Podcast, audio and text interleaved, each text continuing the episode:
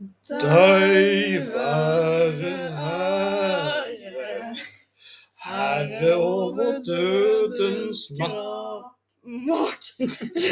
Evig skal døden være Kristus underlagt. Ja, men det, det var en introsang. Ja. Eh, og ting skal ikke være perfekt. Det er det poenget med det kristne menneskesynet. Vi er eh, sløve syndere, så vi får bare godta det. ja. Ja, nå er det velkommen til en ny podkast. Magne er til stede her eh, denne gangen sammen med Kaja. og Ellen. Ja. Og vi skal snakke om NT, også kalt kjent som Nye testamentet. Det stemmer. Og I denne podkasten her skal vi gå gjennom hovedtrekk i Nytestamentet. eh, og så skal vi eh, eh, spise sjok- sjokolade og spise litt pizza. For jeg har en pizza som vi skal ha i oss etter hvert, og den spiser vi mens vi holder på med dette her, for jeg er veldig glad i pizza. Jesus var glad i pizza. Det er faktisk helt sant. Ja, han var veldig glad i brød. Ja, han var glad i brød. Han hadde mye steikeommer å lage, i hvert fall. Sånne, sånne, ja. Men eh, NT, skal vi Ja. Kan dere bare fortelle meg litt hva det består av? Ja, vi kan starte med de fire evangeliene. Og det er Matteus, Markus, Lukas og Johannes. Og så har vi jo apostlenes gjerninger, Paulus brev og Johannes' åpenbaring.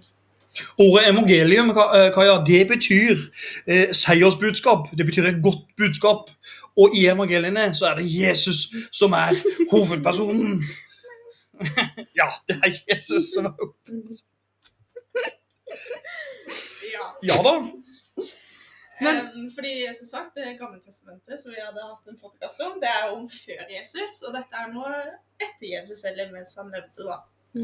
Og Det nye testamentet det inneholder 27 bøker. Mm. Og det er jo skrevet mye på gresk.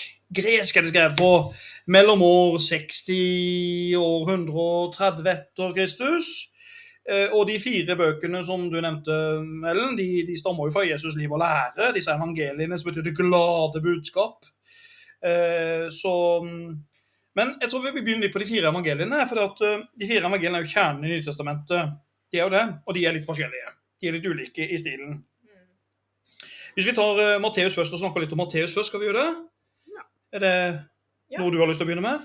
Eh, jo, eh, Matteus evangeliet åpner med familietreet til Jesus. Eh, noe som viser hans jødiske avstamning. Mm -hmm. um, og da Eller jødiske røtter, blir det også kalt. Ja, jødiske Ja, røtter. røtter. Snakker bergensk her. Ja, uansett. Så gjennom hele teksten finner vi henvisning til Det gamle testamentet. Og flere profetier fra dette som Jesus oppfylte. Og da har vi jo Jesaja og Daniel som spådde Jesus. Eh, ja, og det er derfor grunn til å tro at evangeliet er skrevet for kristne med jødisk bakgrunn, ettersom disse hadde tilknytning til Det gamle testamentet. Ja. Matteusevangeliet er skrevet sånn ca. år eh, 75 til 90, er det ikke rundt der? Jo. Og her finner du den berømte talen Jesus holder, nemlig eh, Bergprekenen. Ja, det er det. Og så sier jo Jesus at han kan frigjøre Israel folk og alle andre, og han kritiserer jo religiøse ledere, disse fariseerne, som han kaller hyklere. Jesus er jo sett på som en læremester her, eh, sagt på filmspråket, en eh, ninja. Ja, en intellektuell ninja. OK, det var jo Matteus. Skal vi stikke en tur til Markus, da? Markusevangeliet. Ja, som har en levende fortellerstil. Um, det er jo preget av historier om hva Jesus gjorde, og fremfor det han sa. Um, ja, han, Markus tilbrakte deler av sitt liv i Roma, og det antas at eh, evangeliet er skrevet for romerne. Um, ja, dette blir underbygget av at greske og hebra hebraiske Mm. Eh, ord blir oversatt til latin, og at jødiske skikker blir forklart. Eller, ja. Og det er jo her mye fokus på Er det ikke mye fokus på Jesus som helbreder her, Jo. i det evangeliet? Det er mer sånn handlinger og ikke så mye lære. Ja, og så er det veldig den fryktelige historien når han blir banka og piska opp etter Golgata. Mm. Ja, Lidels, lidel, lidelser. Ja. Historien om lidelser. Ja. Veldig bra. ja legen da, Lukas, Lukas evangeliet. Ja, altså Lukas evangeliet er jo en historisk fremstilling av Jesu liv. Så det har jo mye fokus på frelsehistorie og Guds inngripen i menneskeliv. Evangeliet blir også gjerne kalt eh, de fattiges evangelium, pga. det har mye fokus på hvordan Jesus oppsøkte de som eh, var til, tilsidesatt eller utstøtt av samfunnet, og hvordan han refser de rike. Så dette evangeliet er antagelig skrevet for kristne uten jødisk bakgrunn. Og det, vek det vektlegger altså historier om og Jesus som omsorgsperson. Mhm. Og da har vi jo juleevangeliet og den barmhjertige samaritaner. Ja. Fine historier. Ja. Klassikere. Det litt neste er jo det de spesielle evangeliet, tenker jeg. Det her Johannes-evangeliet. Og Johannes-evangeliet bruker mye plass på å bevise at Jesus er Gud gjennom på en måte eh, sånn 'jeg er'-utsagn. Og eh, Matteus-evangeliet er litt spesielt, for det er litt filosofisk Nei, unnskyld, Johannes-evangeliet er litt spesielt, for det er skrevet nesten litt filosofisk. At han bruker ordet som eh, 'jeg er klippen', eh, 'den gode hyrde'. eh, Man bruker ordet 'logos'. Og man sier jo det at ordet ble til kjøtt og tok bolig iblant oss. Så er man liksom inn på det åndelige og spirituelle her. Så her diskuterer man egentlig hvem Jesus var, og at han er Guds sønn. Den enbårne, er det ikke det det heter? Ja. Ehm, ja. Men eh, altså, nå har vi jo snakka om fire evangelier. Men eh, fin hvorfor finnes det ikke andre evangelier? Eller fantes det andre evangelier? Flere. ja, Ja. det gjorde det. Ja. Um, det med at det er fire som har fått plass i Bibelen, kan det diskuteres litt uh, av historien om uh, hva som var mest troverdig. Og det ble liksom stemt i de forskjellige menighetene om hva som på en måte skulle legges vekt på og fokuseres på. Vi har jo Philip-evangeliet og Thomas-evangeliet. Thomas-evangeliet blir jo faktisk også brukt en del, men ikke har fått plass i Bibelen, da. Ja, for Hvis vi tar de evangeliene, så er det jo fire som ble godkjent som en sånn kanonsamling. Og så er det jo mange som, som du er inne på, at de ble utelatt. Og Thomas-evangeliet det, det er jo, jeg tror det ble funnet 19, så seint som i 1945, faktisk. Og da fant de plutselig at det var 114 utsagn om Jesus. Det er ikke helt sammenheng av evangeliet, jeg tror de første sidene mangler òg. Men, eh, men eh, det evangeliet der, så, så er det liksom sånn at de Det er ting Jesus har sagt og gjort. eh, som man må forsøke å det er pent ord, avkode. Og, så Jesus sier jo f.eks.: 'Jeg er lyset, jeg er over alle ting'. Hva betyr så det? ikke sant? Eh, og 'jeg er der alt er'. Løft opp en stein, når jeg er til stede. Så igjen, dette er kanskje litt sånn filosofisk retta kristendommen, Thomas evangeliet. Uh, Jesus er læremester, du må avkode og forstå hans hemmeligheter. Det er på en måte del av Thomas evangeliet. Uh, så har du jo Philip-evangeliet. Der er det jo en del eh, dialoger som Jesus har med disiplene sine. Og i det evangeliet, Philip-evangeliet er interessant, for dette stiller de Jesus spørsmålet Hvorfor i huleste elsker du Maria mer enn oss disipler? Altså Maria Magdalena. Og der kommer liksom, Den tingen hadde de ikke lyst til å ha med i Bibelen, kanskje. At Jesus muligens hadde en jeg sier muligens, kanskje han hadde et nært forhold til denne Maria Magdalena. Så ble det lagt en gøy 80-tallssang som heter Maria Magdalena. Jeg fikk lyst til å synge den. Gjør. Eh, nei, jeg tør ikke. For det er sånn synthesizer pop. Så jeg tør ikke å synge den. Men hun har så fine øyne, hun som synger den. Det er bare å se henne. Ja. Fant...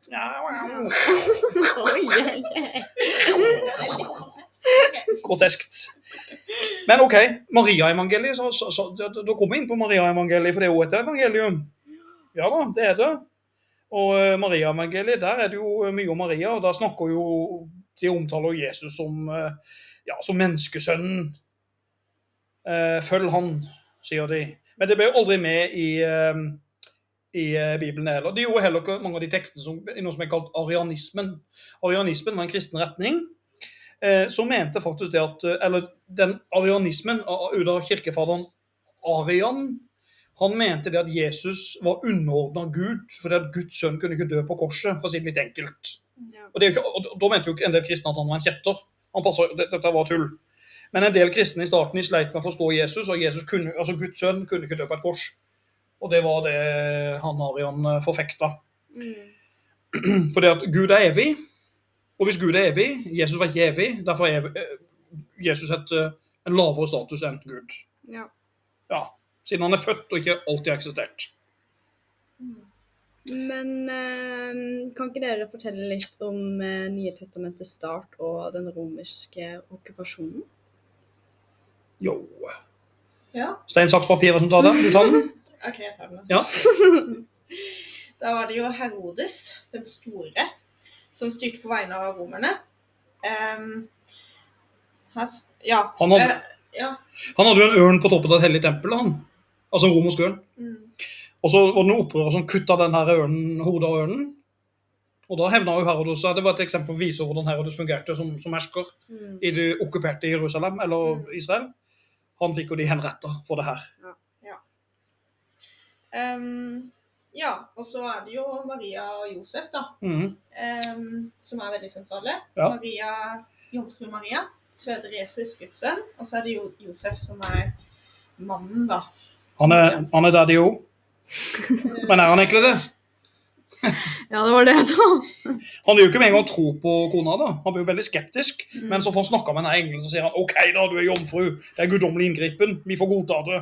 Men eh, Josef og Maria de, eh, de forlater jo Nasaret, og så drar de mot uh, Betlehem. Mm. Men i Bibelen så er det noen som hevder at de dro til Egypt, og, så det er litt forskjellige historier. da. Mm. Men uh, profetien fra Moses' tid var jo spådd, som jeg snakka om i forrige podkast, om GT, Gammeltestamentet, at det skulle spås en ny stor konge, og da kommer de tre vise menn, og så får de se en stjerne. Ja. Ja. og den stjernen den følger de helt til stallen i Betlehem. Betlehem. Og de tre og Herren sjøl skal vise tegn, sa Jesaja i Gammeltestamentet. Og det er jo det kanskje den stjernen mm. som de følger. Og de tre vise menn de kommer med gaver som er uh... Røykelse, myra og Jeg var bare to. Er de gjerrige? Jeg tror, Kom de med gull? Sølv? Ja, det var det. Var, det Jeg er veldig usikker. Jeg tror det var gull. Ja, Ja. de bør ha gjort det. Ja. Røkelse og myra, hvem som gir det, da? Jeg hadde ikke blitt så glad. Ja, gjerrig. Altså, det. De tre gjerrige menn? Ja. Men, men hva egentlig Hva er myra? Er det liksom gjørme? Jeg vet ikke. Men det Gud skapte jo menneskene fra gjørme, Ja. så det kan jo hende at det var liksom Her er Symbolsk. Jesus som Ja. ja, jeg vet ikke hva myra er for noe. Om det er en Nei, ikke salve eller hva det er for noe? Jeg, ikke. Ja, Jo, det kan jeg vet ikke. En røkelse er jo sånn ja, sånn type ortodoks katolsk kirke. Sånn ja, duft, duftlys. Ja. Ja. Um, Men eh, dere, hvordan reagerer romerne på rykter om en jødisk konge? ja, for det er da eh, han eh, Herodes Han eh, vil da at alle de nyfødte guttene skal drepes. Ehm, ja, så eh, dette får jo disse hvite Josef og Maria. Og det er jo da de flykter til Egypt og er der i noen år. ja, og så sier han Herodes tenker at det er han som er jødenes konge, ikke Jesus. Mm. Og når Herodes dør, så blir det opprør. Og i det opprøret når Herodes dør, så tar romerne og- og hevner seg på opprørerne og korsfester to etter korsfester 2000 mennesker i Galilea. Romerne likte å korsfeste. Det var en hobby de hadde. Og eh, da blir det den nye herskeren som heter Antipas. Er det ikke det? Antipas? Her Herodot Antipas. Antipas. Han styrer sammen med Pontus Pilatus. Ja, Og Det er jo kjente navn. det er det. Og målet til de er å knuse sånne uh, opprørere. Og så kommer neste greia på lista nå, hvis vi følger NT. Det er jo det berømte Juleevangeliet. Ja. Åssen er det det går? Keiseren i Roma Han eh, befalte at alle skulle skrives inn i manntall. Den eh, tror jeg Ellen har veldig lyst til å ta. Ja, Ja. men det, er, Mm. det blir jo sagt i kirka hver gang. Ja. Eh, julaften. Ja, de skulle skrives inn i manntall. Så um, da Ja, som vi nevnte i Gammeltestamentet, i den andre podkasten, så var jo Jesus gutten Davids sønn. Em, så han skulle jo til Betlehem for å skrives inn, da. Um, I deres ett. Mhm. Em, ja, så da var jo Maria eh, høygravid eh, med Jesus. Så når de kommer til Betlehem, så er det jo da eh, Jesus, nei, Maria skal føde. Og eh, da er det ikke plass til eh, i herberget. Stemmer. Eh, men eh, de får plass i en krybbe eller et hva heter det, stall. Ja. Og der føder jo Maria, da. Og dette kan også være litt symbolisk, at det, er i en stall. Eh, Guds sønn skal fødes her. Eh, ikke i et sånn fint palass. Mm. Han er kongen og Messias. Men eh, igjen, det som på en måte Jesus blir sendt ned for, det er jo nemlig å se til de fattige. Og han får ikke den høye statusen som man skulle tenkt en konge skulle hatt, og i hvert fall Guds sønn. Mm, absolutt. Så ble jo fyren født, ja. Og kan ikke dere fortelle litt om hvordan selve Jesus var som ung gutt?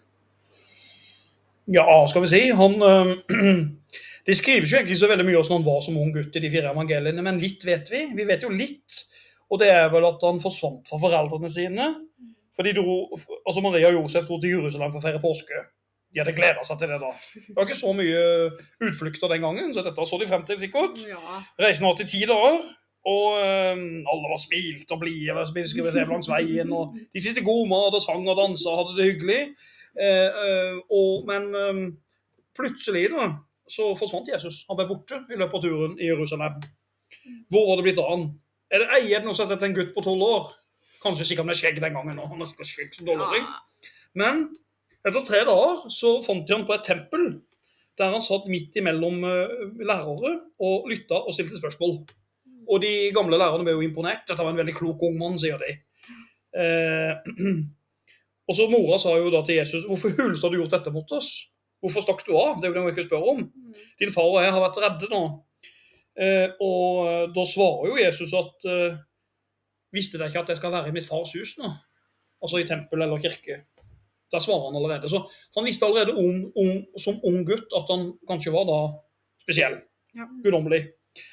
Så tok jo Jesus farvel med lærerne og så videre og, og sånn. Eh, I andre, litt interessant spørsmål du hadde der, Kaja, for i andre bøker så beskrives du som eh, de som ikke ble med i Bibelen, så fortelles det at Jesus eh, gjorde mirakler og tok, tok livet av dyr, og gjenoppliva de. Mm, faktisk. I de ti dagene han var borte? Nei, det er ikke noe med de ti dagene, men Nei. noe i ungdommen sin. Ja. At han viste, han, han øvde sine helbredende krefter opp da, på å ta livet av dyr og, og gjenopprette. Men det kommer jo aldri med i, i de fire evangeliene. da. Dette står i andre tekster. Ja. Mm. Så eh, ja. Men eh, han blir jo etter hvert voksen og døpes. Hva er det som skjer da? Det er jo Johannes eh, døperen. Ja. Um, han står jo i eh, Jordanelven og døper jo folk. Og det er jo den kjente dåpen, da, som er et viktig sakrament, kan man si, i kirken. Og eh, da kommer jo eh, Jesus ned for å bli døpt. Og eh, Johannes døperen blir jo at det er jo ikke jeg som skal døpe deg, det er jo du som skal døpe meg. Mm. Men Jesus ønsker at Johannes døperen skal døpe ham. Og det er jo det han gjør. Og han dytter han under vann. Mm. Og da kommer jo faktisk Nå tror ikke jeg husker alle detaljer i Bibelen her, men eh, det, de sier at uh, idet Jesus ble dunka, dunka ned under vannet i Jordanelva, så sier de, skrives det i Bibelen at himmelen åpna seg. Det kom et sånn sprak på himmelen, og himmelen åpna seg, for nå var det guddommelig skjedd. Og Det er derfor dåpsritualet er så viktig i kristendom. For her, her skjedde en magisk handling på himmelen. Og, men for å si det sånn, da. Johannes døperen, mannen som la, spiste gresshopper og honning ute i skogen. Litt sånn hippie. Ja, En spesiell type. Ja, men han var ikke godt likt av, av romerne, for de, så han, de var redde at han var opprører. Og Johannes døperen han fikk jo en tragisk skjebne. Han ble jo halshugget. Ja. Det gjorde han. Eh, etter gjentatte ganger at han hadde blitt fengslet og kommet seg ut og fengslet. Og, Ja. ja. Men han sto fast i troen. Det gjorde han. Men etter denne dåpen så dro jo Jesus ut i ørkenen i 40 dager. Og her møter han jo selveste Satan. Det gjør han. Han blir satt på prøve i 40 dager i ørkenen. Og han møter Satan og en slange, annet, og de frister han. Eh, for så sier jo Satan, Satan kommer med mørk kappe, og så Jesus sulter jo da. Så omgjør han jo en stein, en stein til brød og tilbyr Jesus å spise den mot å tjene han. Og Jesus sier nei. Han eh, vil heller leve av ordene fra Guds munn enn brød, svarer Jesus. Og djevelen oppfordrer jo Jesus til å hoppe ut fra et stup og sier at Gud vil redde deg, hopp ut. Han lar seg ikke friste. Til slutt så tilbyr Satan Jesus hele riket, og Jesus sier 'Vik fra meg, Satan, jeg tilbød kun min Herre, ikke deg'. Så han står ifra fristelsene. Dette er veldig likt i andre religioner òg. Hvis jeg ser buddhismen, så vil jeg oppleve at Buddha blir også testa av sånne onde, mak- on- onde ånder eh, som prøver å friste han. Mm. Ja. Altså, det neste Jesus møter, er jo fiskerne og sine kommende disipler. Ja. Jeg vil bare nevne at jeg har sett eh, en serie som heter The Chosen, The som jeg anbefaler veldig. Jeg har sett litt på den, jeg òg. Ja, Ja, Mm. og den, der, liksom, der møter man jo disiplene og deres liv. Eh, Det er de som på en måte er mer i fokus enn Jesus, og liksom hvorfor de ble valgt, og ja, deres hverdagsliv og så videre. Um, og da har de jo den kjente eh, historien med at Peter er jo en fisker. Og eh, han er jo ute med fiskerne og skal jo fange fisk, men eh, får ingenting. Og eh, det er da eh, Peter møter Jesus, og han sier 'kast garnet ut igjen' på den andre sida. Og Peter har jo egentlig gitt opp, men han sier 'på ditt ord så skal jeg gjøre dette'. Og da opplever jo fiskerne at de får den største fangsten, Mhm. som egentlig er umulig. Det er et mirakel. Um, og da blir jo um, Peter en følger av Jesus, vi følger ham. Ja. Og så sier jo Jesus det kjente med at eh, du skal bli en fisker av folk. Menneskefisker. Menneskefisker. Og eh, da skal han, eh, oppgaven hans og alle disiplene, nemlig å fange mennesker, lære om troen på Jesus. Og oppgaven til Jesus og Gud videre er jo nemlig å sortere dem. Ja. Men det er ikke vårt valg eller vår oppgave, det er kun samle. Og så sier han til Peter at Peter, du skal bli min klippe. Uh, selv om han forråder Jesus tre ganger, men så blir han liksom høyrehånda til Jesus. da han gjør det. Uh, men det Jesus krever, vet dere hva Jesus krever nå av disiplene? De må forlate noe. Det er spesielt. Ja, de må jo forlate sin egen familie. Ja Og følg meg. Ja. Og det provoserte den gangen. Mange tenker hvorfor ble Jesus korsfesta? Jeg tenker det at det er ikke nødvendigvis det at Jesus at han, at han provoserte politisk, eller noe, men jeg tror han provoserte sosiale strukturer i samfunnet. For Tenk hvis noen hadde sagt det da. Forlat familien din og følg med. Uh, så bor vi 13 skjeggete menn sammen i en kjeller. Ja, dere ler, ikke sant? Men seriøst, 13 skjeggete menn i en kjeller. De trenger ikke konen og barna deres, nå skal dere følge med. Det provoserte jo. Ja. Og I tillegg så sa de at de skulle spise Jesus blod og legeme. Hvordan tror du det ble tolka den gangen? Kannibalisme. Ja. De trodde det. ikke sant? Så de var skeptiske til de første kristne, fordi de kjente det ikke. Alt nytt, fremmed, er man fiendtlig mot ofte. Mm. Ikke sant? Sånn er det jo. Men eh, kan ikke vi fordype oss litt mer i disse disiplene, da? Skal vi prøve på det? Ja. Skal vi starte med apostelen Bartolomus? Ja, altså de her fikk jo disse helgenene øh, altså, eller, Mange av de ble martyrer. Ja. Eh, Bartolomeus han fikk jo huden flådd av. Eh, var vel i sannsynligvis Etiopia. Eh, der han leid martyrdøden med å spre kristendommen. Så han ble jo en helgen i den katolske kirke. Eh, Ja, så har vi f.eks. Jakob den yngre, som han ble kalt. Um, som spilte også en viktig rolle som en av lederne av de første kristne menighetene i Jerusalem. Um, ja, han ble jo Skal vi se Ja, ifølge en fortelling ble han korsfestet i Egypt, der han misjonerte. ja. Egypt var jo en sånn litt sånn smeltedingel av ulike trosretninger. Eh, en annen apostel var jo Andreas, som ikke er nevnt så mye, følgere. Men det var faktisk Jesus' første disippel. Og eh, i Johannes evangeliet er det beskrevet en del om han. Eh, ifølge sånne greske kilder så kan han, han, han var jo mer sånn Øst-Europa, i Romania, Russland og Georgia og, og misjonerte. Eh, han ble jo sannsynligvis så ble Andreas eh, korsfesta i Hellas på et sånn eh, kors som var forma som en X, sier de. Så alle disse apostlene de ofra jo livet sitt da, på å spre troen. Ja. Og så har vi også apostelen Judas Iskariot, som Mhm. da er kjent for å forråde Jesus. Ja. Han forrådte Jesus, rett og slett. 30 sølvpenger. Det var alt som trengtes. Men uh, han var jo disippelen som forrådte Jesus for 30 sølvpenger, og han overga jo til de jødiske lederne. Ja. Så han hadde jo så dårlig samvittighet at han hang seg jo selv. Um, Ja. Tok sitt eget liv. Og Det er interessant du sier det, for det er jo en tolkning jeg har hørt, at han hengte seg. Det er jo en tolkning fra um, Matteusevangeliet, sier han hengte seg. Det er den vi er mest kjent med, tror jeg. Men en annen tolkning i Apostelens gjerninger, så står det jo plutselig at Judas uh, ikke hengte seg, men han kjøpte en åker for pengene, uh, men fikk aldri noen glede ut av kjøpet. Uh, og så falt han Han falt og slo seg, sånn at uh, alle innvollene hans ramla ut. Så han døde av et fall. Så er det to ulike tolkninger som skjedde med Judas Iskariot.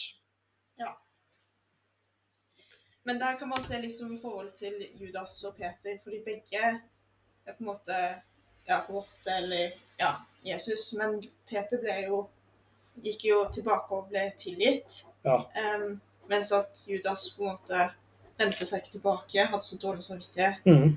og fikk ja, tatt sitt eget liv på hvilken måte det var. Men det er jo igjen det der med tilgivelse da, som står veldig i sentrum. At Ja. Judas ville jo også blitt tilgitt, men Godt poeng.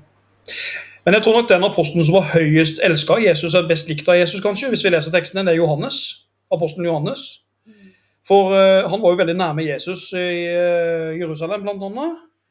Og uh, det virker som om Jesus virkelig var veldig glad i den fyren her. Og eh, det var jo mange år du trodde at Johannes var den som hadde skrevet Johannes-evangeliet. Men i dag er det veldig usannsynlig at den er forfatteren, for sannsynligvis så døde Johannes. Han er en av de få som døde av naturlige årsaker, kanskje. Han sovna fredelig og stille inn, eh, kanskje rundt 100 år gammel, i Lille Asia. Lille Asia er kanskje nåværende Tyrkia, litt usikkert akkurat det. Men eh, han klarte å komme seg unna. Han var først fengsla i Romerriket, tror jeg. Um, så ble han forgifta, men de klarte ikke å ta livet av han med gift. Og så ble han bare forvist på en øy, tror jeg. Jeg tror det var sånn. Ja. Skal vi ta litt om skeptikeren nå, siden vi er på apostlene? Ja. Thomas ja. Eller tvileren? Gode, gamle Thomas. Eh, han var jo skeptisk om Jesus' oppstandelse, ja. Så han misjonerte ifølge tradisjonen i Syria og Parterriket, som er da Iran i dag, og i Lilleasia, som vi da tror er Tyrkia. Mm. Eh, Det var før han dro til India, så han trodde ikke på at Jesus hadde gjennomstått påskemorgenen. Og mange fremstillinger av han bygger jo på fortellingen om den tvilende Thomas. Så Og- Ja. Og Jesus, for, for, for at Jesus kunne tro på han, jeg husker dere det, så holdt jo Jesus opp hånda for han, og så måtte han Ja, så, ja for at Thomas skulle ja, Ja, ikke tvile. men- touche, touche Ja. såra. Mhm. At han var hengt opp. Ja. Ja. Sånn er det. Ja. Apostelen Jakob, skal vi ta han til slutt? Nei, det er vel flere sikkert, men apostelen Jakob han, han ble drept av Herodos, han. Agrippa. Eh, ja. Jeg vet, ikke, jeg vet ikke egentlig så mye mer om han. jeg. Men eh, ja, fordi at han eh, Jakob, han eh, eh, og Johannes var brødre. Mm, det ikke det? Jakob den eldre. Eldre, ja. Ja. Stemmer. Um, Philip, apostelen Philip, han eh, var til stede da Johannes døperen døpte Jesus. Tenk på det. tenk på det. Ja. Um, ja, så etter Jesus død så misjonerte han eh, en tid i Palestina. Mm Der han bl.a. døpte en mann fra en afrikansk dronningshoff. Mhm, Tenk på det. Tenk på det. Tenk ja, på det. tenk, tenk på det. Tenk på det. Mm, ja, men han eh, ble jo eh, først korsfestet, og deretter steinet til døde. Ja, det er koselig. Ja. Ja. Ma Matteus, apostelen Matteus, Ja. han, det var jo skatteinnkreveren. Han var tolleren. Og han er jo selvfølgelig med i Matteus evangeliet. Og, eh, ja, ikke sant? Men de, de, historikere er i tvil om han har skrevet det. Men uh, han, uh, han ble vel kanskje matyr, han Matteus òg. Han var jo han Jesus tok med inn på middag. Denne synderen han skulle spise middag med. Det var jo Matteus tolleren. Ja, og så er det jo apostelen Judas Tadeus. Det er enda en Judas, men det er Judas Tadeus som misjonerte sammen med apostelen Simon. Eh, og han ble vel òg henretta. Dessverre med en klubbe, så det var litt mer brutalt der, får vi si. Og så, Nå tar jeg det kjapt, sånn som jeg hadde i hodet. og altså Apostelen Simon han ble saget i to. Dette er brutalt. Mm. Eh, han dro vel til England og holdt på å drive med sin misjonsvirksomhet der, i Lincolnshire, tror jeg det var. Rundt det området der. Og der eh, fikk han virkelig svi. Eh, så disse her eh, elleve apostlene de har fått gjennomgå og er blitt martyrer. Skal vi si det sånn.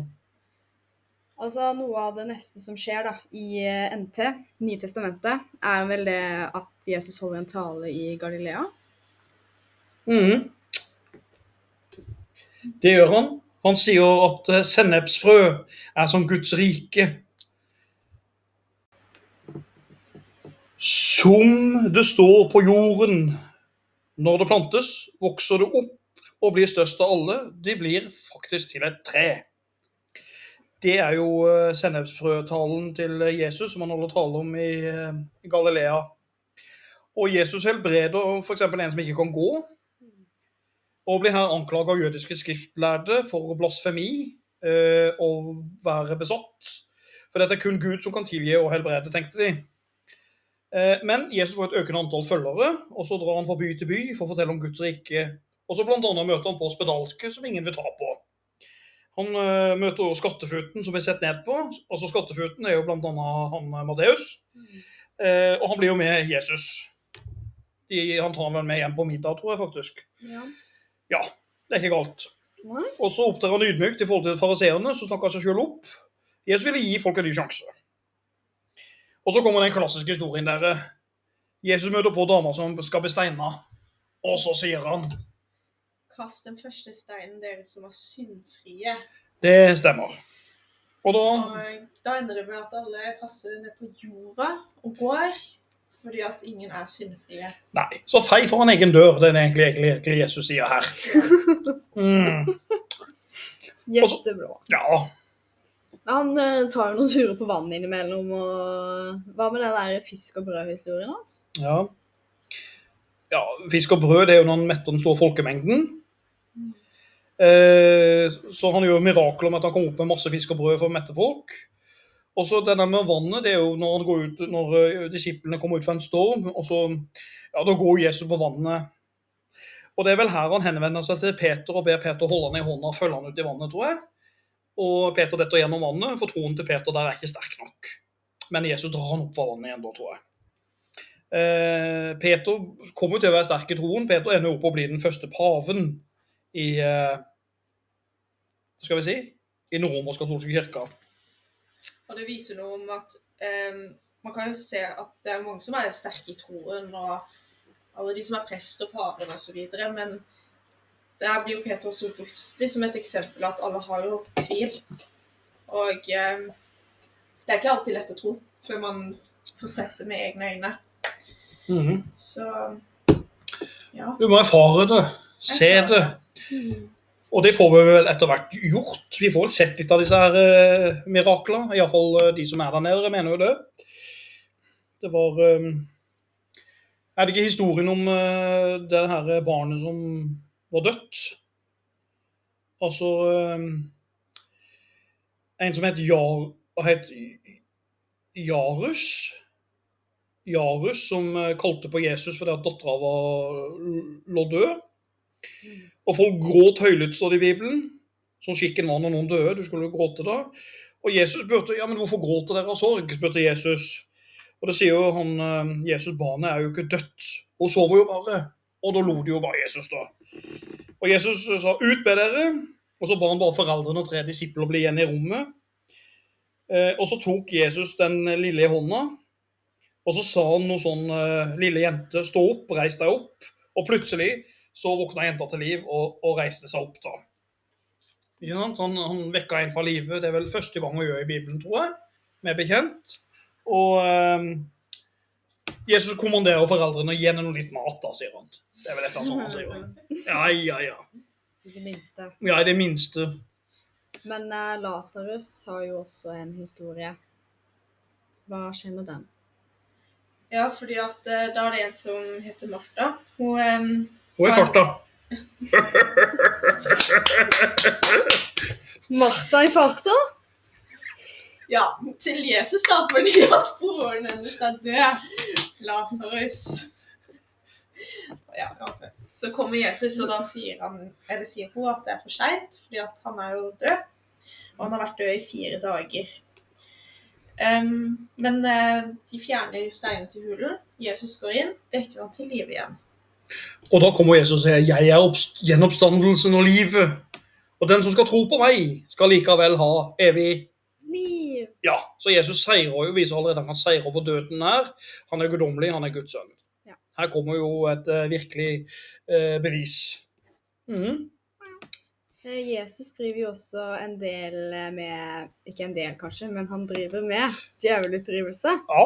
Altså som mange kanskje kjenner igjen som eksorsisme, da. Så Ja, flere steder i Bibelen så driver Jesus med det, og det er litt interessant at egentlig så snakker man for lite om det. For det står jo flere steder i Bibelen at Jesus driver eksorsisme. Det som er så spennende gjennom filmindustrien. Hæ? Eksorsisten, har sett Ja. Eksorsisten? ja. Har dere sett klassikeren? Den gode gamle? Jeg tror jeg har den på DVD. Jeg har ikke fått sett den ennå. Ja, det det. Ikke du heller? Nei. Den må dere se.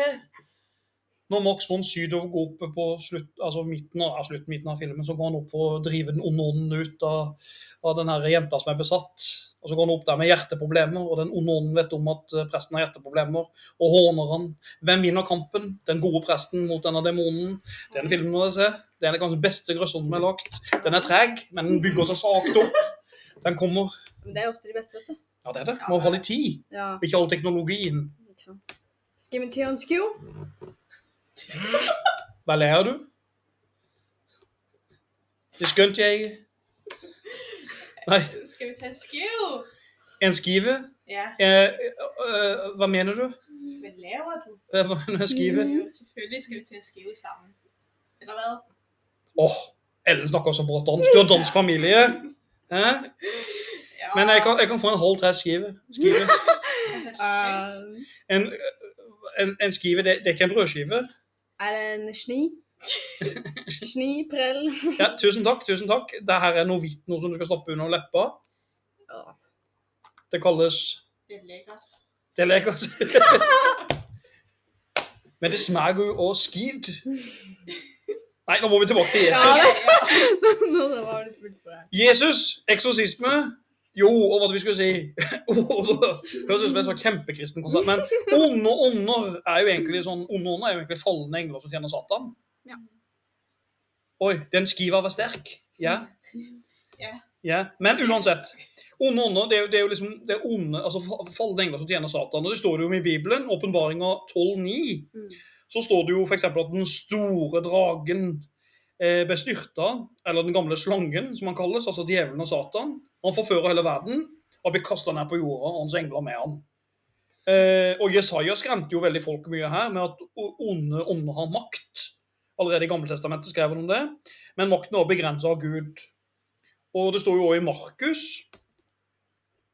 at eh, Jesus I Markus 1,27 så står det jo at Jesus befaler ureine ånder ut. Kom dere ut, sier han. Og det han da gjør, en lang historie kort, det er vel at han driver disse onde åndene ut. Eh, der en mann Han går jo helt berserk, en, en fyr. han går helt, Det er skrevet masse om det i den teksten. Eh, jeg tror det er bl.a. Lukas 4.35-36. Han går helt berserk. Og Jesus sier 'ti stille og kom deg ut' av han. Og så står det at den onde ånden rev mannen over ende midt ut, og så for han ut. Men uten at mannen sjøl ble skada. Og da ble Altså, folk ble helt øh, De ble redde her, viser den teksten. Eh, men når Jesus sjøl driver med djevelutdrivelse, så blir han beskyldt for å stå i ledtog med Satan av noen.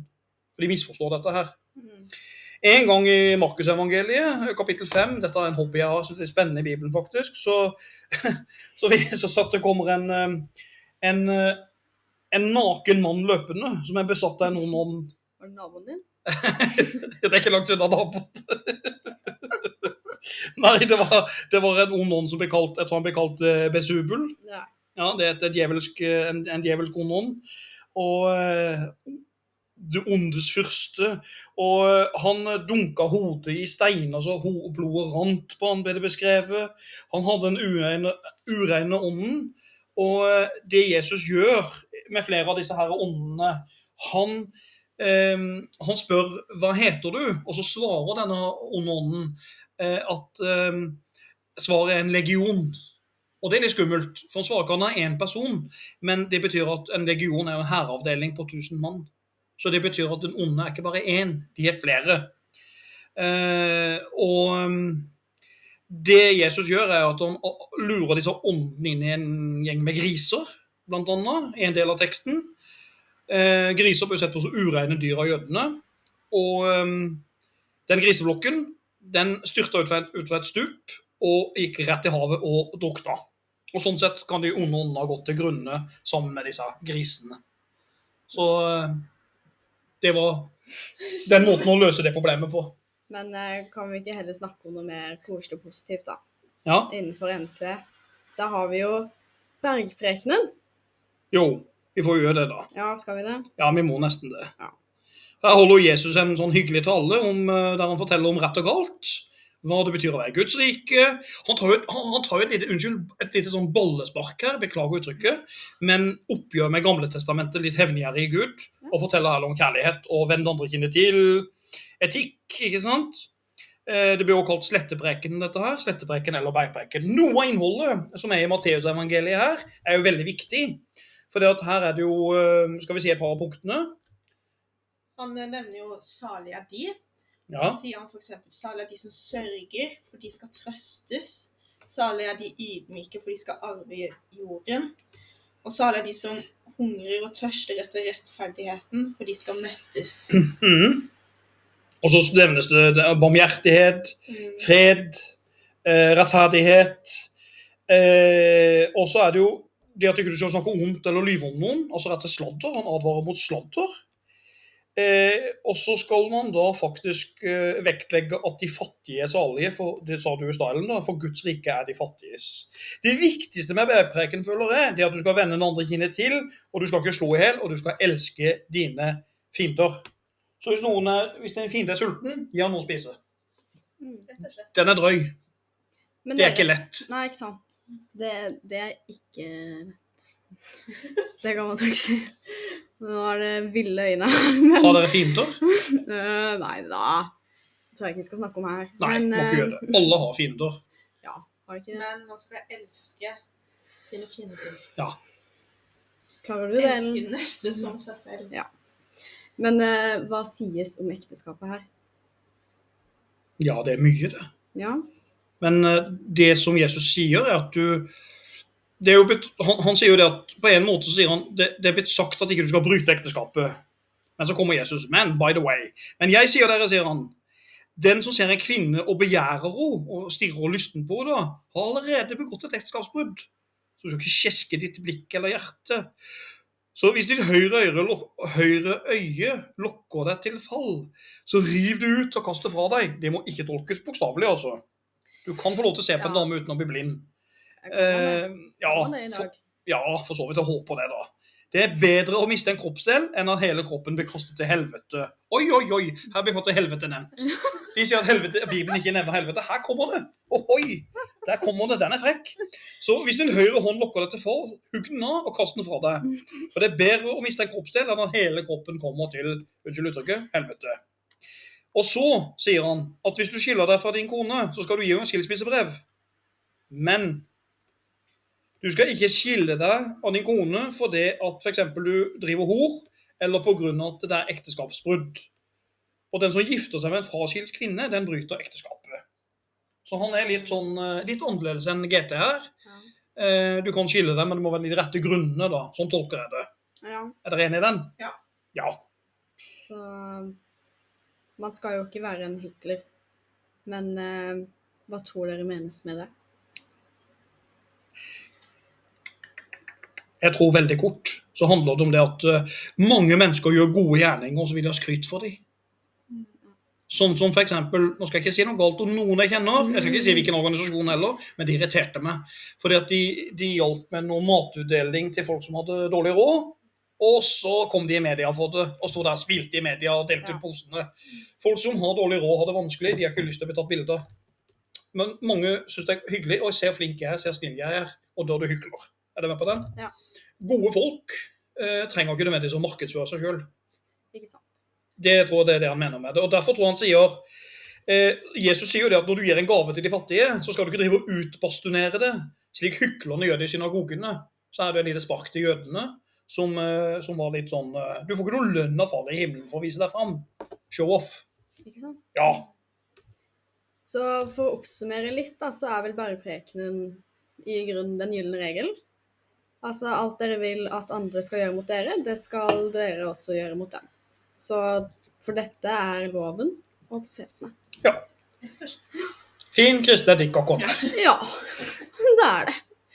Det trenger ikke være så vanskelig. Nei, og, det, og, du sa en viktig ting der. Tenker jeg. Det som er styrken med kristendommen som religion, hvorfor den ble så stor, det er faktisk at kristendommen er veldig enkel. Mm. Den er mye enklere enn jødedommen. har jo sånn masse påbud og forbud og forhud som kuttes. Ikke så mye Ja. Nei, men du skjønner, men kristendommen er mye enkel. Det er ikke de spisereglene, det er et enkelt budskap. ikke sant? Den er lett å forstå. Og folk flest liker det enkelt. Og da er det lett å spre et budskap. Og det er rett og slett det Gud også skjønte. Og det var derfor han sendte den Guds sønn, eller sin egen sønn. Fordi at de må få våre synder tilgitt. For vi kan ikke leve etter regler. Det er ikke som mennesker er oppbygd. Nei, og vi skal ikke bare leve etter regler, vi skal leve etter sinnelag. Vi skal leve etter evnen til å ville gjøre det gode fordi det er godt. Ikke fordi at du får noe igjen for det, eller fordi at noen har sagt du skal gjøre sånn og sånn. Hvis ikke blir du sint. Men du skal ville gjøre det av egen god vilje. Og det er et godt poeng. Men man har vel likevel regler å følge, sånn som de ti bud? Ja da. Ja, de ti bud er der fremdeles, men vi kan jo ikke følge de. Det blir liksom mer sånn et Hva kan man kalle det for? Veiledning Ja, på en måte. Men det er jo ingen mennesker som kan følge det. Altså Ja, De er jo der som prinsipper, men vi tar et eksempel i ti bud. Det er jo bra, men jeg, jeg tenker sånn, la oss si du skal ikke lyve. Eh, er vi i andre verdenskrig, og så spør noen deg, Kaja, har du tre jøder på loftet? Så tror jeg du gjør en god handling hvis du lyver og sier nei, jeg har ikke sett noen jøder. mm. Eh, er du feig, så sier du ja ja, det er kanskje fire der oppe. Mm. Ikke sant? Altså, av og til er jo en løgn en god handling. Ja. Så det at de ti bud er jo prinsipielle, eh, ikke nødvendigvis praktisk orientert. Ja. Men det er jo en grei leveregel, stort sett. Men de må jo tenke med litt skjønn nå. Men uansett, neste punkt nå er jo at Jesus drar inn i løvenes hule i Jerusalem, gjør ikke det? Jo. Så han, øh, han kommer jo da inn i øh, Jerusalem, der han blir hylla som en Messias. Aha. Ja. Eh, det er jo påske. Og eh, jødene feirte denne som en takk for at Gud satt de fri fra Egypt, som vi snakka om i Gamle testamentet. Når han kommer inn eh, til tempelet, da, så ser han at eh, det foregår en pengeutveksling. Eller at eh, de selger på en måte ting for penger og Ja. Og da sier han jo det med at man kan ikke både tjene Gud og penger. Og du skal elske de neste som deg selv. Ja, da klikker vel Jesus og velter et bord for oppi- Ja, sin. Holdt jeg på å si. Ja, han blir pissed. Han sier også 'jeg liker ikke dette, jeg liker ikke pengespill'. Jeg er veldig uenig med ham. Det er veldig gøy med Las Vegas, og sånn, men det, jeg tror ikke Jesus hadde egentlig Las Vegas.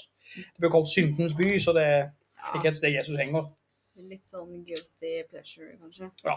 Guilty Harry pleasure. No. Mm -hmm. Men så bøter Jesus på Sakkeus, gjør han ikke det? Jo. Ja, det var der Sakkeus var en sånn eh, liten fyr. Uh, var ikke det? Han var så liten han måtte løpe opp i et tre, er det ikke sånn historien går? Jo, det var en så stor folkemengde at eh, han kom seg ikke frem til Jesus. da. Så for å se han, så klatret han så opp i et tre Mhm. for å få se ham. Og da sier jo Jesus, så Jesus kom ut til treet, så stoppa han og kikka rett opp på Sakkeus, og så sier jo Jesus til han Hei, dude. Han sa ikke det, da, men eh, kom deg ned. Skynd deg, kom deg ned. I dag vil jeg gjerne besøke der du bor. Jeg vil med deg hjem. Det er jo det han sier, da. Eh, og så klatrer jo Sakkeus ned fra treet i full fart, og så eh, viser Jesus veien til huset sitt. Og eh, Jesus brydde seg ikke at folk var sure for han besøkte Sakkeus, som var en litt sånn syndertype. Eh, men eh, og Sakkeus ble jo så glad, så sa han det at eh, han ville gi halvparten av alt han eier, til de fattige. Og de han har pressa penger for, skulle få firedobbelt tilbake. Så Sakkeus hadde veldig lyst til å gjøre opp for seg. Mm. Det er jo en synder som hadde lyst til å rydde opp i livet sitt. Det er jo koselig. Ja. Ja. Ja. Og så kom jo da den siste nattverden, sviktet og Judas. Mhm.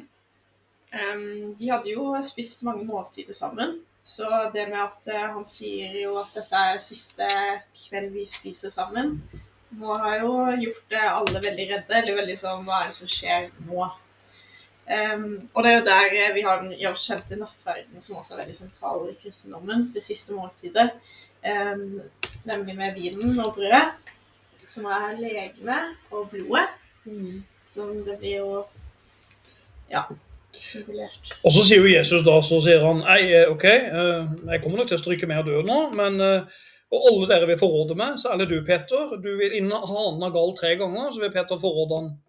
Og Peter nekter vel. Nei, det kommer jeg ikke til å gjøre. Men Peter gjør det. Han kommer til å forråde Jesus. Mm. Så 'Nattverden' er forresten en veldig bra, veldig fint maleri av Leonardo da Vinci. Ja, Det er flott malt. det er det. Det må jeg si. Meget populært. Men uh, hva blir så Jesus anklaget for? Ja, det er jo mange ting. Men eh, det er jo Getsemane, der eh, Judas leder soldatene til Jesus i Getsemane. Og så gir han jo Jesus et kyss på kinnet, et svikerkyss. I Getsemane så trekker Peter sverdet, så hugger han øret av en romersk soldat. Og dere vet jo hva som skjer da. Hva er det Jesus gjør med øret? Han Han tar øret opp igjen setter det fast, og så Ja, hva skal man si? Øret blir helbreda, eller det sitter Ja, han monterer det på nytt. Ja.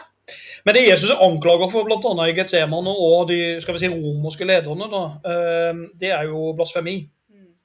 Og Noen mener han har brukt demoner for å helbrede. og så han, De er veldig redde for opptøyer. Husk, Jødene har gjort mye opptøyer mot romerne. De vil ikke ha bråk, de vil ikke ha støy. Og da tenker de at de må straffe Jesus med døden. Ja. For å bli kvitt denne opp, opprøreren. Og da er det jo da Peter etter hvert benekter Jesus. Mm. Fordi at eh, Jesus blir jo dratt til Pontus Pilatus, og um, Pilatus spør vel Jesus uh, er du konge, er du jødenes konge? Og da sier jo Jesus at mitt kongerike er ikke fra denne verden. Eh, kona til Pilatus, det er ting som står i Bibelen, at kona til Pilatus hun har sett Jesus i en drøm og forsøker å argumentere for at han er en uskyldig mann og ikke må bli korsfesta. Men uh, Pilatus vil jo ikke høre. Pilatus har ikke veldig lyst til å korsfeste han. Uh, men uh, det første Pilatus gjør, er å gi han 40 piskeslag. For å på en måte prøve å bare Ja, la oss bli ferdig der. Og så setter han den berømte Barabas, røveren eller kriminelle Barabbas, opp mot Jesus i folkemengden. Og så spør eh, Pilatus hvem av disse her skal få lov til å leve. Og overraskende da så roper folkemengden ut navnet Å leve, ja. Barabbas skal få lov til å leve. Ja. Og det er jo da Pilatus gjør den kjente symbolhandlingen. Han blir litt uh, skuffa. Han går og han vasker hendene sine for å gjøre for sin synd. Det er jo litt ulik tolkninger forresten av han eh, Pilatus. da, eh, at han, Noen mener jo han ble kristen eh, og søkte tilgivelse etter det her. Det står mange forskjellige ting om det. Jeg skal ikke gå i detalj i det nå, men eh, eh, noen ser han som en Etter hvert at han angra på at han tok livet av Jesus. Han ble selve morderen av Jesus. Mm. Han var vel veldig oppgitt eh, nok pga. at det var så mye styr eh, mellom, eller så mye oppgjør mellom jødene. Eh, Han hadde jo ikke noe som du sa, sånn, noe særlig mot egentlig Jesus, men det var liksom mer av folket fikk bestemme. Det er sånn jeg har tolka han, ja. Ja. Ja, jeg tror det. Men han ja. Men en litt arrogant type, da. Det var han jo sannsynligvis. Som øh, Det viktigste for han var å holde ro og orden. Og så tror jeg ikke han brydde seg så mye om det var hvilken religion som gjorde noe bra. Det var ikke noe, men så lenge de skapte uro, så måtte det stoppes. Mm. Mm. Og da har vi også lidelseshistorien gjennom Golgata og på korset. ja. Det var ikke helt ennå Eller var det nå? Ja, Eh, det, det er sykt. Hvis dere har sett, for dere som har sett 'Passion of the Christ', så bare tok vi en scene herfra. ja. For der er det jo folk som står og ler av Jesus når han blir korsfesta. Ja. Med dårlige tenner og stygt utseende. For det skal jo være et poeng. Eh, katolikker som har lagd filmen. Mel Gibson. Eh, veldig bra film, da. det er det. Det er det. Det er så skummelt når djevelen kommer frem der. Ja. Ja. Eh, Men eh, det er jo alltid sånn Jesus måtte jo bære det korset gjennom Golgata. Han ble piska og slått. og ja, Mm. Så fikk han hjelp å bære kors. og Så er det alltid omdiskutert. og Hylte Jesus av smerte eller ikke? Det er sånne ting som er veldig omdiskutert her. Opplevde han menneskelig smerte, eller gjorde han ikke? Var han så guddommelig ikke han kjente smerten, eller var det han skreik? Det er litt sånn uenighet. Men det han sa Han sa noen sånne småting. Han sa blant annet Tilgi dem, Herre, de vet ikke hva de gjør. Og så var det jo noen år som ga han eh, vann gjennom en svamp. når han hang på korset. Og for å bekrefte han er død, hva gjorde de med han da? Ja. Ja, de stakk et spyd inn i siden på han. Stemmer, stemmer. Og det tok vel eh, sånn Var det ikke sånn rundt seks timer eh, før Mm. han døde? Eller sånn Ja. Det tok jo ikke så lang tid enn det pleide å være. Men siden at dette var fredag, og det var sabbat på lørdagen, mm. så måtte jo de være døde, liksom. Ja. Døde. Og de to røverne som var på sida, de ble jo knust kneskålene av fordi at de Åh, fortsatt brutal. Det er brutalt. Ja. Men uh, Jesus dør, og så står han jo opp fra de døde igjen. Mm. Tredje dagen. Ja. Søndag. Påskemorgen. Ja. Påskemorgen slukker sorgen, er det ikke sant? Og da kommer jo steinene knekt i to. Ja. Har dere sett uh, noe jeg var glad i da jeg var liten og søt? Jeg har vært det en gang, jeg òg. Har du det? Ja, en gang. Ikke si til noen. Okay. Men uh, Narnia. Har dere sett Narnia? Ja. Når Aslan dør. Mm. Men Aslan dør, og løven, og så står han opp igjen, og da er steinen knekt i to. Det er jo parallelt til Jesus. Ja. Hele det er viktig. Hvis det er kanskje ja, fordi den, den pleier jeg å se på påsken. Den er Nadia-filmen. Nydelig film. Det er Jeg synes det så fin film med fint budskap. Men eh, steinen var knekt i to, og eh, da er det forskjellige kilder. For noen sier det at det var Maria Magdalena som først møtte Jesus eh, når han var gjennomstått. Og andre steder er det flere kvinner som møter ham. Så det er litt ulike versjoner om hvem som møter ham først. Men eh, det var for, var for gått tre dager, som de sa i stad. Og så var det tidlig om morgenen, og lufta var kald, det er de enige om. Og det var noen kvinner sannsynlig som kom med noen krukker der. De var på vei til grava. De skulle smøre den døde kroppen, men det var jo egentlig ikke noen død kropp. Fordi at eh, steinen var rulla bort og sprekt. Eh, og så kom det plutselig et lyn, sier de, som lyste opp, og jorden skalv. skalv. Og englene rulla steinen vekk. Og så sa engelen til kvinnene Vær ikke redd. Dere leter etter Jesus, men han er ikke her. Han er stått opp. He's back. Ja. Eller så Svartstegger også. I'll be back. Det ikke noen paralleller der. da. Ja, ja, men det er en parallell. Ja. Og så kikka de forskrekka inn i grava for hva som er skjedd. Og så sier engelen 'ikke mas nå, da'. Ikke helt til han sa, men jeg forkorter litt. Eh, Chill. altså litt sånn Skynd dere av gårde til disiplene og fortell at Jesus venter på dere hjemme i Galilea. Han sitter der og venter. Løp! Og kvinnene kunne ikke tro sine øyne. Nei, og heller ikke sine ører. Nei, Nei. absolutt ikke. Men da de gikk av sted, og kom de til Galilea, der sto jaggu meg Jesus Kristus. Lys levende. Lys levende livet. Og så sier Jesus Ikke vær redd lenger. Jeg har vunnet over døden. Tenk, det sa han. Det er sjukt. Han hadde knekt det mest koden. menneskelige. Knekk koden. Mm. Knekt hele Da Vinci-koden. Og Jesus han møtte jo da disiplene når de var samla, men da var det jo Thomas som tvilte sterkt på han. Peter var skeptisk. Men Peter var litt gretten, han var skeptisk til mye, da, men nok om det. Men Peter han, eh, han er jo rask på labben. Han drar i gang en nattverd og sier 'Jeg er veien, sannheten og livet'. Og så kommer Jesus til disiplene, og så viser Jesus Han holder opp og viser hullene sine i hendene til disiplene for å vise at det er faktisk han. Ja. Det var møtet der. Det er Ja. viktig i kristendommen. Og 40 dager senere, da har vi jo pinsen. Ja. Da kommer jo Den hellige ånd ned i dem. Og de må gå ut i verden og spre budskapet. Og etter det så forlater Jesus dem. Ja. Og så disiplene talte så i tunger. Det er kult. ja. Det er spennende. Synes Og spesielt de, de, de som gjør det i dag også. Ja. De som snakker i tunger. har dere opplevd det noen gang, eller sett noen har gjort det? Jeg, jeg opplevde det en gang. Ja. Det var veldig spesielt. Ja. Mm. Jeg har aldri opplevd Jeg syns det var litt sånn Jeg må si Å ha utenforperspektiv synes det var litt skummelt, jeg er ikke vant Ja, til det. Ja. Har du har sett det? Ja, Men du vet jo ikke hvor reelt det her er, da. Men, det, Nei, nei. ja, men, men eh, de får iallfall, sånn som Peter fikk jo mente han fikk kraft gjennom Den hellige ånd. Eh, Og Peter fikk faktisk helbredende krefter når han òg. For plutselig så gikk jo Peter ganske tidlig en tigger til å gå. Og eh, Peter sier 'Jeg har ikke noe gull eller sølv å gi deg, men du skal få lov til å gå'. For Jesus dør ikke, men Jesus' kraft virker gjennom oss, og det er Den hellige ånd. Den hellige ånd virker nå igjennom eh, menneskeheten. Tenke seg det. Ja. det, dessverre, etter at Jesus eh, døde, så ble jo de kristne jaktet ned. Da har vi jo Stefanus. Ja, stakkars Stefanus.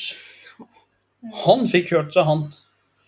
Han øh, ble jo egentlig kirkas første matyr, som er omtalt i apostelens gjerninger. Ja, stakkars, stakkars, stakkars uh, Stefanus som ble steina. Ja. Uh, hodet brukt som bowlingball. Eller bowlingkjegle. Uh, men en av de som muligens var med på denne steininga av kristne Stefanus, vet dere hvem det var? Mm, Paulus og Sarus. Ja, Paulus eller Saurus. Det var samme fyr. Han het først Saurus.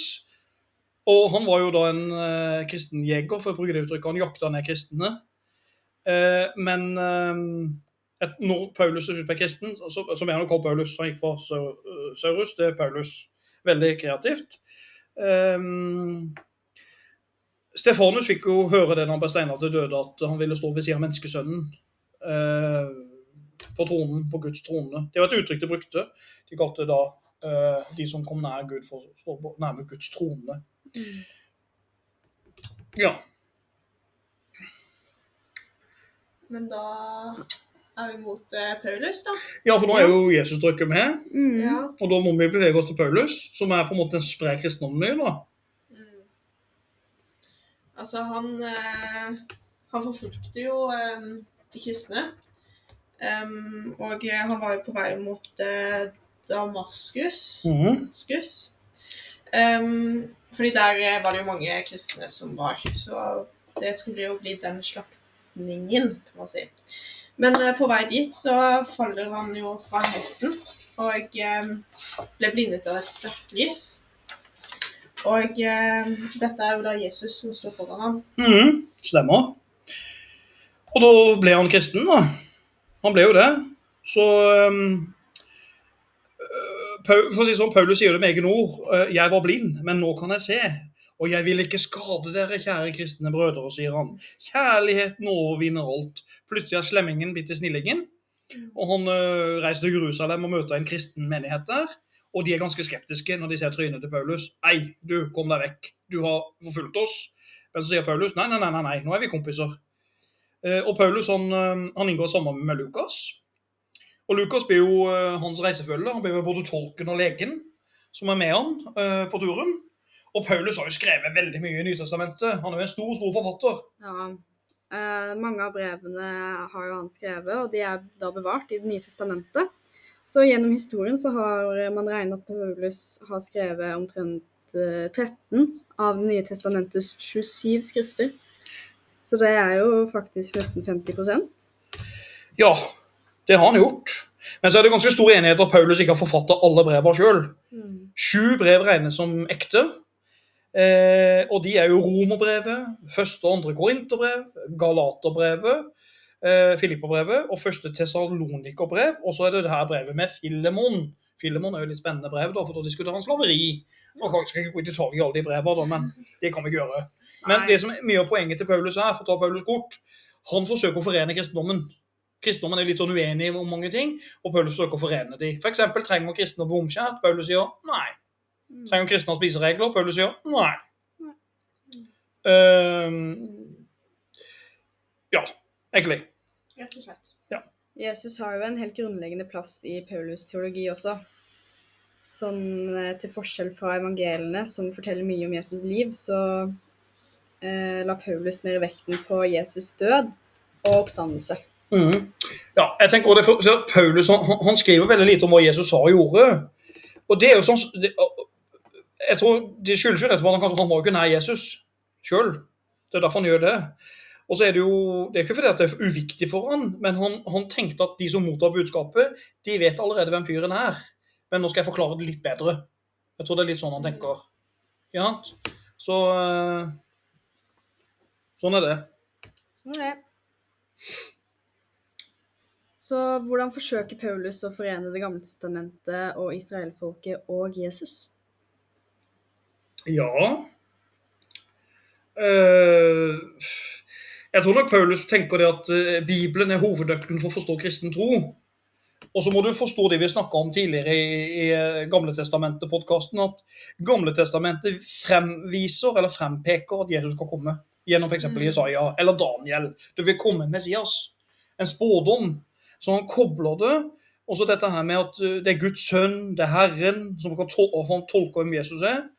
Og han kaller jo Jesus for Kristus, altså eh, Kristios, altså gresk for Kristus. Eh, og eh, det hebraiske Messias. Som Messias betyr vel den eh, Ja. Den, ja, de jøde. Så det er jo frelseren som man skal sende. Og så sier jo Paulus veldig tydelig at her er verken, her er ikke jøde eller greker, slave eller fri. Her er ikke kvinne eller mann. Dere er alle én i Jesus Kristus. Det er merkelig det han sier der. Mm. Eh, Du kan ha ulike opphav, men alle er underlagt samme Guds lov. Mm. Det er det han snakker, snakker om enhet. Han er veldig opptatt av enhet. Alle er underlagt kristendommen, uansett om hva du tror på. Mann eller kvinne eller hva du er, du er underlagt Guds lov. Det er egentlig en fin måte å si det på. da. Ja. Vi kan jo kalle dette naturretten. At alle har rettigheter. Hvis du velger å tolke det sånn. For alle er underlagt samme lov. Mm. Eh, Moseloven var jo også ganske grunnleggende for jøder i Paulus samtid.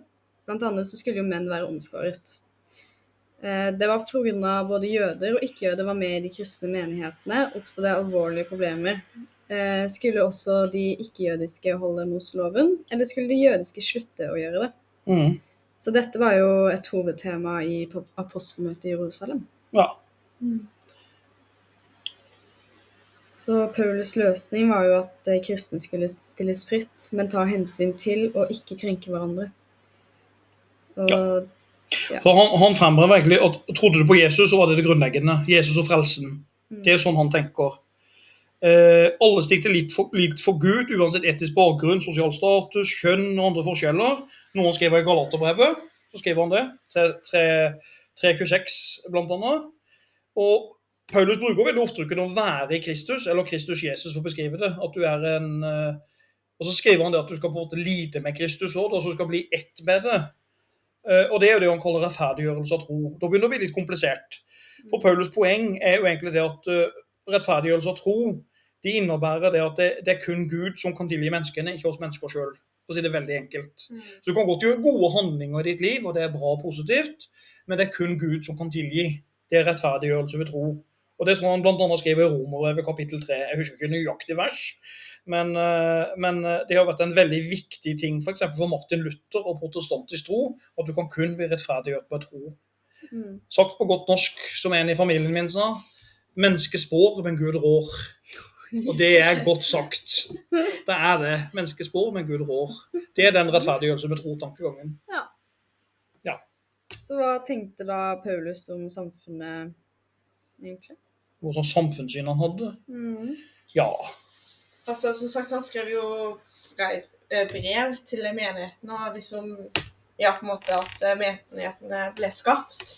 Og eh, da var det jo egentlig veldig viktig med orden. Litt sånn regler på eh, Det der med f.eks. at kvinnene de skal være stille i salen, skal dekke seg til. Og det var litt sånn Ja. Forskjellige ting da som man kanskje vil si i dag ikke er så greit, eller er litt skeptisk til. Men jeg tror dette under grunn handler om at dette var en helt annen tid. Mm. Eh, denne nye troen, altså kristendommen, var noe helt nytt. Man visste ikke hvor man skulle starte. Man trengte en orden. Som jeg tror egentlig Paulus også var opptatt av. Um, ja. Mm. Og så var han jo så var ikke Paulus noen stor fan av homofil praksis heller, for å si det pent. Han, eh, han beskriver homofil ganske negativt i Romerbrevet kapittel eh, ja, var det 1.25-27, og i Korinterbrevet går nå til lite angrep på homofili. Og I nyere tid har det vært kritisert, selvfølgelig. Ja. At uh, Her ligger jo mye av den diskusjonen i kristendommen i dag. Mm. For Noen kan jo velge å se homofile som syndere som skal tilgis, og noen velger å se dem på dette er unaturlig, holde seg unna, det ødelegger Guds skaperverk. Så det, det er liberal og konservativ tolkning her. Ja. Og den debatten blir de aldri ferdig med, tydeligvis. Nei. Så eh,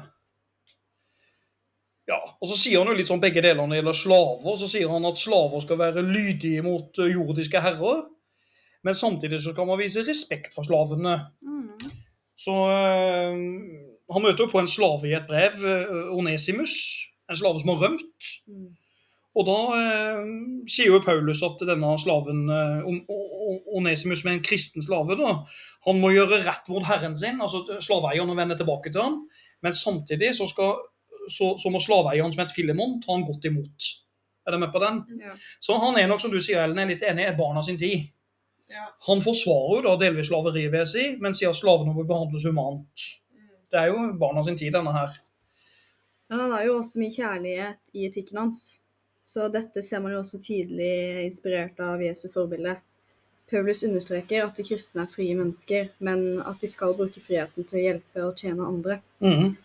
Det Ja. betyr å vise tilgivelse og ha omtanke for de svake, f.eks., som eh, Jesu var opptatt av, f.eks. Mm. de fattige. Og så for Paulus viser jo kjærligheten seg særlig i holdning og handling, og ikke så mye følelser. Absolutt. Mm. Og så er jo Paulus veldig sånn, han, han- han ser jo menneskelivet som en kamp mellom ondt og godt. Ja. Og eh, mellom nestekjærlighet neste og altså mennesker liker, og det tror jeg vi alle kan være enige om. Vi, vi, vi balanserer mellom, mellom å være gode, eh, ha nestekjærlighet, og gjennom å være egoistiske. Vi må balansere de tinga. Vi gjør det i praksis. Mm. Men han sier, for når han sier det så vel, han sier at det, det, det gode er det jeg bør gjøre, men jeg ender ofte opp å gjøre det onde. Det er et eller annet sånt han sier, jeg husker nøyaktig det, men det er noe sånt. Mm. Så um, han beskriver seg sjøl som svak i mange situasjoner, og at han trenger hjelp. Så han anerkjenner seg sjøl, han er ikke noe supermenneske. Denne Paulus, Selv om han skryter litt av seg sjøl av og til, det gjør han. Um, ja. Men vet dere hva, hvordan, hva som skjer med Paulus til slutt? Hva, hvordan, hva, Han ble vel fengslet i Roma? Ja. og mens han sitter til fange, så, så, så skjer jo sånne mirakler. Han, han satt jo lenka, lenka i fengsel i Roma der og eh, skriver jo noen av brevene sine og sånt. Og så eh, plutselig så kom det et jordskjelv, og så løsna kjettingen til han. For eksempel. Så det skjer jo ting der òg. Så det blir litt sånn uklart hva som skjer med Paulus egentlig. Man vet ikke helt. Eh, Man mener, noen mener han ble eh, korsfesta. Han forsvant, bare fra historien plutselig. Mm. Men han var jo romersk borger, og det redda nok livet hans mange ganger. Ikke sant? Mm. Så romerne tok han ikke med det første, men etter hvert så ble de lei, tror jeg. Eh, jeg vil kommentere én ting, nå snakker jeg mye her, men jeg vil kommentere en ting, dette med endetidsforventning. Eh, Karl Fordi at Paulus trodde jo det at Jesus' oppstandelse var en forvarsel på at vi vil gå mot endetid. Eh, og Jesus skulle komme tilbake og fjerne all ondskap. Og det skulle skapes en ny og god verden. Eh, og Derfor mente jo Paulus at det var bedre hør nå hva jeg sier, det var bedre å være ugift enn å være gift. Så Han oppfordrer folk til å gifte seg, for det vil snart komme en ny og bedre verden enn den vi lever i. Med andre ord. Ja. Han var, kanskje det var derfor han var litt sånn, eh, litt sånn eh, på eh, gretten på damer. ja, det Ja. kan jo hende. Det kan være en grunn. Kan være en grunn. Ja, skal vi gå litt på siste del i Bibelen, som er Johannes' åpenbaring, og si litt om den? Så vi eh, Altså Ja, eh, skal vi se. um, Jesus blir Skal vi Hva? Hva skjer nå? vi, bare, vi bare slår under vi slår eller, Johannes' åpenbaring. Mm -hmm. um, Du skal ikke slå. du skal ikke slå. Um, jo, men eh, Jesus blir fremstilt som første og siste. Begynnelsen og slutten. Mm. Det vil ikke være død, lidelse eller skrik eller smerte. Ja. Ehm, hvis ikke jeg tar helt feil, så åpner den jo ehm, Det står vel i evangeliet det, I begynnelsen var ordet, ordet var Gud, og ordet var Gud. Og, ehm, og dette sier noe om at ehm, Jesus som Guds sønn er ikke bare en begynnelse, men det er også slutten. Og det skal jo komme en ny verden som vi venter på. og hele Bibelen slutter med at, eh, at Jesus sier at han kommer snart tilbake. Men så kan man jo diskutere ordet 'snart'. Hvor snart det egentlig er. fordi at Hvis man snakker om tid, så har det jo gått flere ja, ja tusen år. Og, men eh, oppe i himmelen så har dette kanskje bare vært et par minutter. ja. Det får være en god unnskyldning. Det, vi kan si det sånn. Men hva er det som egentlig denne endetiden der, hva er det som er det skumle med endetiden? For det blir sånn, sånn skumle greier, dette her. Hva, hva, hva er det vi Folk har vært redde for dette her opp igjennom. Altså, det er jo et voldsomt eh, kosmisk drama som går i flere faser, og der Guds tjenere kjemper eh, mot sin fiende, altså Satan. Og han opptrer jo i ulike skikkelser. Så det ender jo til slutt med full seier for Guds rike og lammet, Satans endelige utslettelse og det nye Jerusalems ankomst. Mhm. Så kjernen i budskapet synes da å være at kampen mot fienden vil være både voldsom, blodig og stygg, men at Gud er over, har overordnet kontroll på verdenshistorien, og eh, enhver som står lojal og trofast gjennom motgang og fristelser, vil få være med i den endelige triumfen for Guds rike, og de vil da arve et evig liv. Det er altså et budskap om kamp og, og endelig seier. Og en del har jo forsøkt å tolke dette her eh, sånn i moderne tid, og, og, så har de fått lov til å tolke det her. Vi skal prøve å ta litt av de tolkningene nå, for det blir sagt dyret, antikrist, lammet, de fire rytterne, slaget ved Armageddon. Vi må snakke litt om disse begrepene her nå. Ja. For Hvis vi tar eksempel først lammet. Hva er det her lammet for noe, da? Altså, lammet står jo slaktet foran tronen. Og det er jo åpenbart på en måte som bilde på Jesus etter sin oppstandelse og død. Mm. Så han omtales jo også som eh, løven av Judas stamme, Davids rotskudd. Ja. Med da en allusjon til Jesus slektstavle som mm. den sanne Messias. Riktig. Og så har du jo eh, Ellen Antikrist. Ja, Det er jo litt av en eh, fyr. dyret, The Beast. The Beast, kommer til makten og vil signere en pakt eh, med Israel i sju år. Og denne sjuårsperioden er kjent som trengs, trengselen. Trengselen. Ja. Veldig bra. Ja. Og under denne trengselen Ja, så flink! vil det være forferdelige kriger, hungersnød, pest og naturkatastrofer. Og Gud vil utløse sin vrede mot sunn ondskap og ugudelighet. Og Og kanskje vi kan se noe av dette i dag. Uhu. Altså, kanskje det nærmer seg. Ja, det er noen som alltid tolker det sånn. Ja. Men, eh, men, men eh, personligheten til Antikrist er jo djevelens tegn, som er eh, Tallet, liksom. tallet ja. Men er ikke det også et engel... ja. Men det er frafallen engel. Ja. Men Antikrist skal jo være en sjarmerende personlighet som skal lure alle. Ikke sant? Så hadde det vært spurt det, hvem er Antikrist? Er det Det er jo deg. Ja, ikke sant? Hjelp! Men Antikrist, kan det være Hitler? Eller var det Obama? Hvem er, hvem er det, tro? Er det Trump? Altså, hvem, er det Biden? Altså, det, altså, religiøse gærninger vil jo alltid lete etter Ja, ja, det vil uh, alltid Antikrist. være et eller annet Ja. som Ja, da. Kan det være det? Kan det være det? Men har dere sett serien, eh, serien Supernatural? Nei. Den er, den er bra. Den har med alle disse her. En god serie. Og der kommer de fire rytterne inn i Supernatural. Og de fire rytterne det blir i den serien tolka som fire sykdommer, da, eller fire virus, eller kall det hva du vil. Mm. Død, pest osv. Mm. Fire rytterne som spres innover. Og de sju seil blir jo tolka som sju land. Ja. Eh, trompeten som skal lyde, blir jo da tolka som flyalarm, eventuelt atomvåpen. Altså Tolkningen er jo mange her. Men uansett så skal det tiden skal avslutte med slaget ved Armageddon. Ja. Etter sjuårstengselen så skal det bli en kamp mellom eh, Jesus Kristus og Antikrist og hærene der. Og så skal til slutt eh, de onde kastes i en ildsjø, skrives det i Johannes' åpenbaring. Mm. Eh, og Jesus vil da kunne binde Satan i avgrunnen i 1000 år, ifølge Bibelen. Og han vil regjere i, i, jordisk, i et jordisk paradis i 1000 år.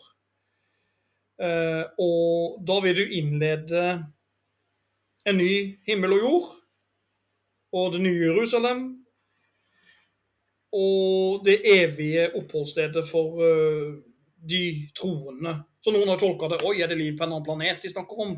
Ja, det er å tolke det langt, da. Men det er også en tolkning. Det er en tolkning. Og så skal det ikke være mer synd, sorg eller død. Så det er en positiv Altså, du skal gå gjennom eh, blod, tårer og svette her, og så skal det her ende positivt. Det skal det. Det skal jo det. det Skal Så det er bare, det er bare å glede seg. Ja! Istedenfor å gå rundt og være Nei, Jeg trenger ikke gå rundt og være redd. vi kan ikke det! Vi må ikke være redd, vet du. Ja, nå har vi rusa på sukker her. Ja, det det kan være drite i. Ja, det føler jeg òg. Nei, men eh, skal vi se oss eh, ferdig med podkasten? Og så vil jeg gjerne at vi skal avslutte med uh, en ting jeg alltid pleier å avslutte med i hver podkast. Hvordan er det en kristen katt mjauer? OK. Ja. Vil du prøve, Ellen? Um...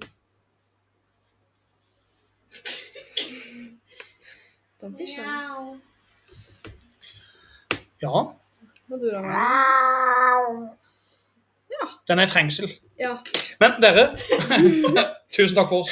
Tusen takk. Hei, hoi!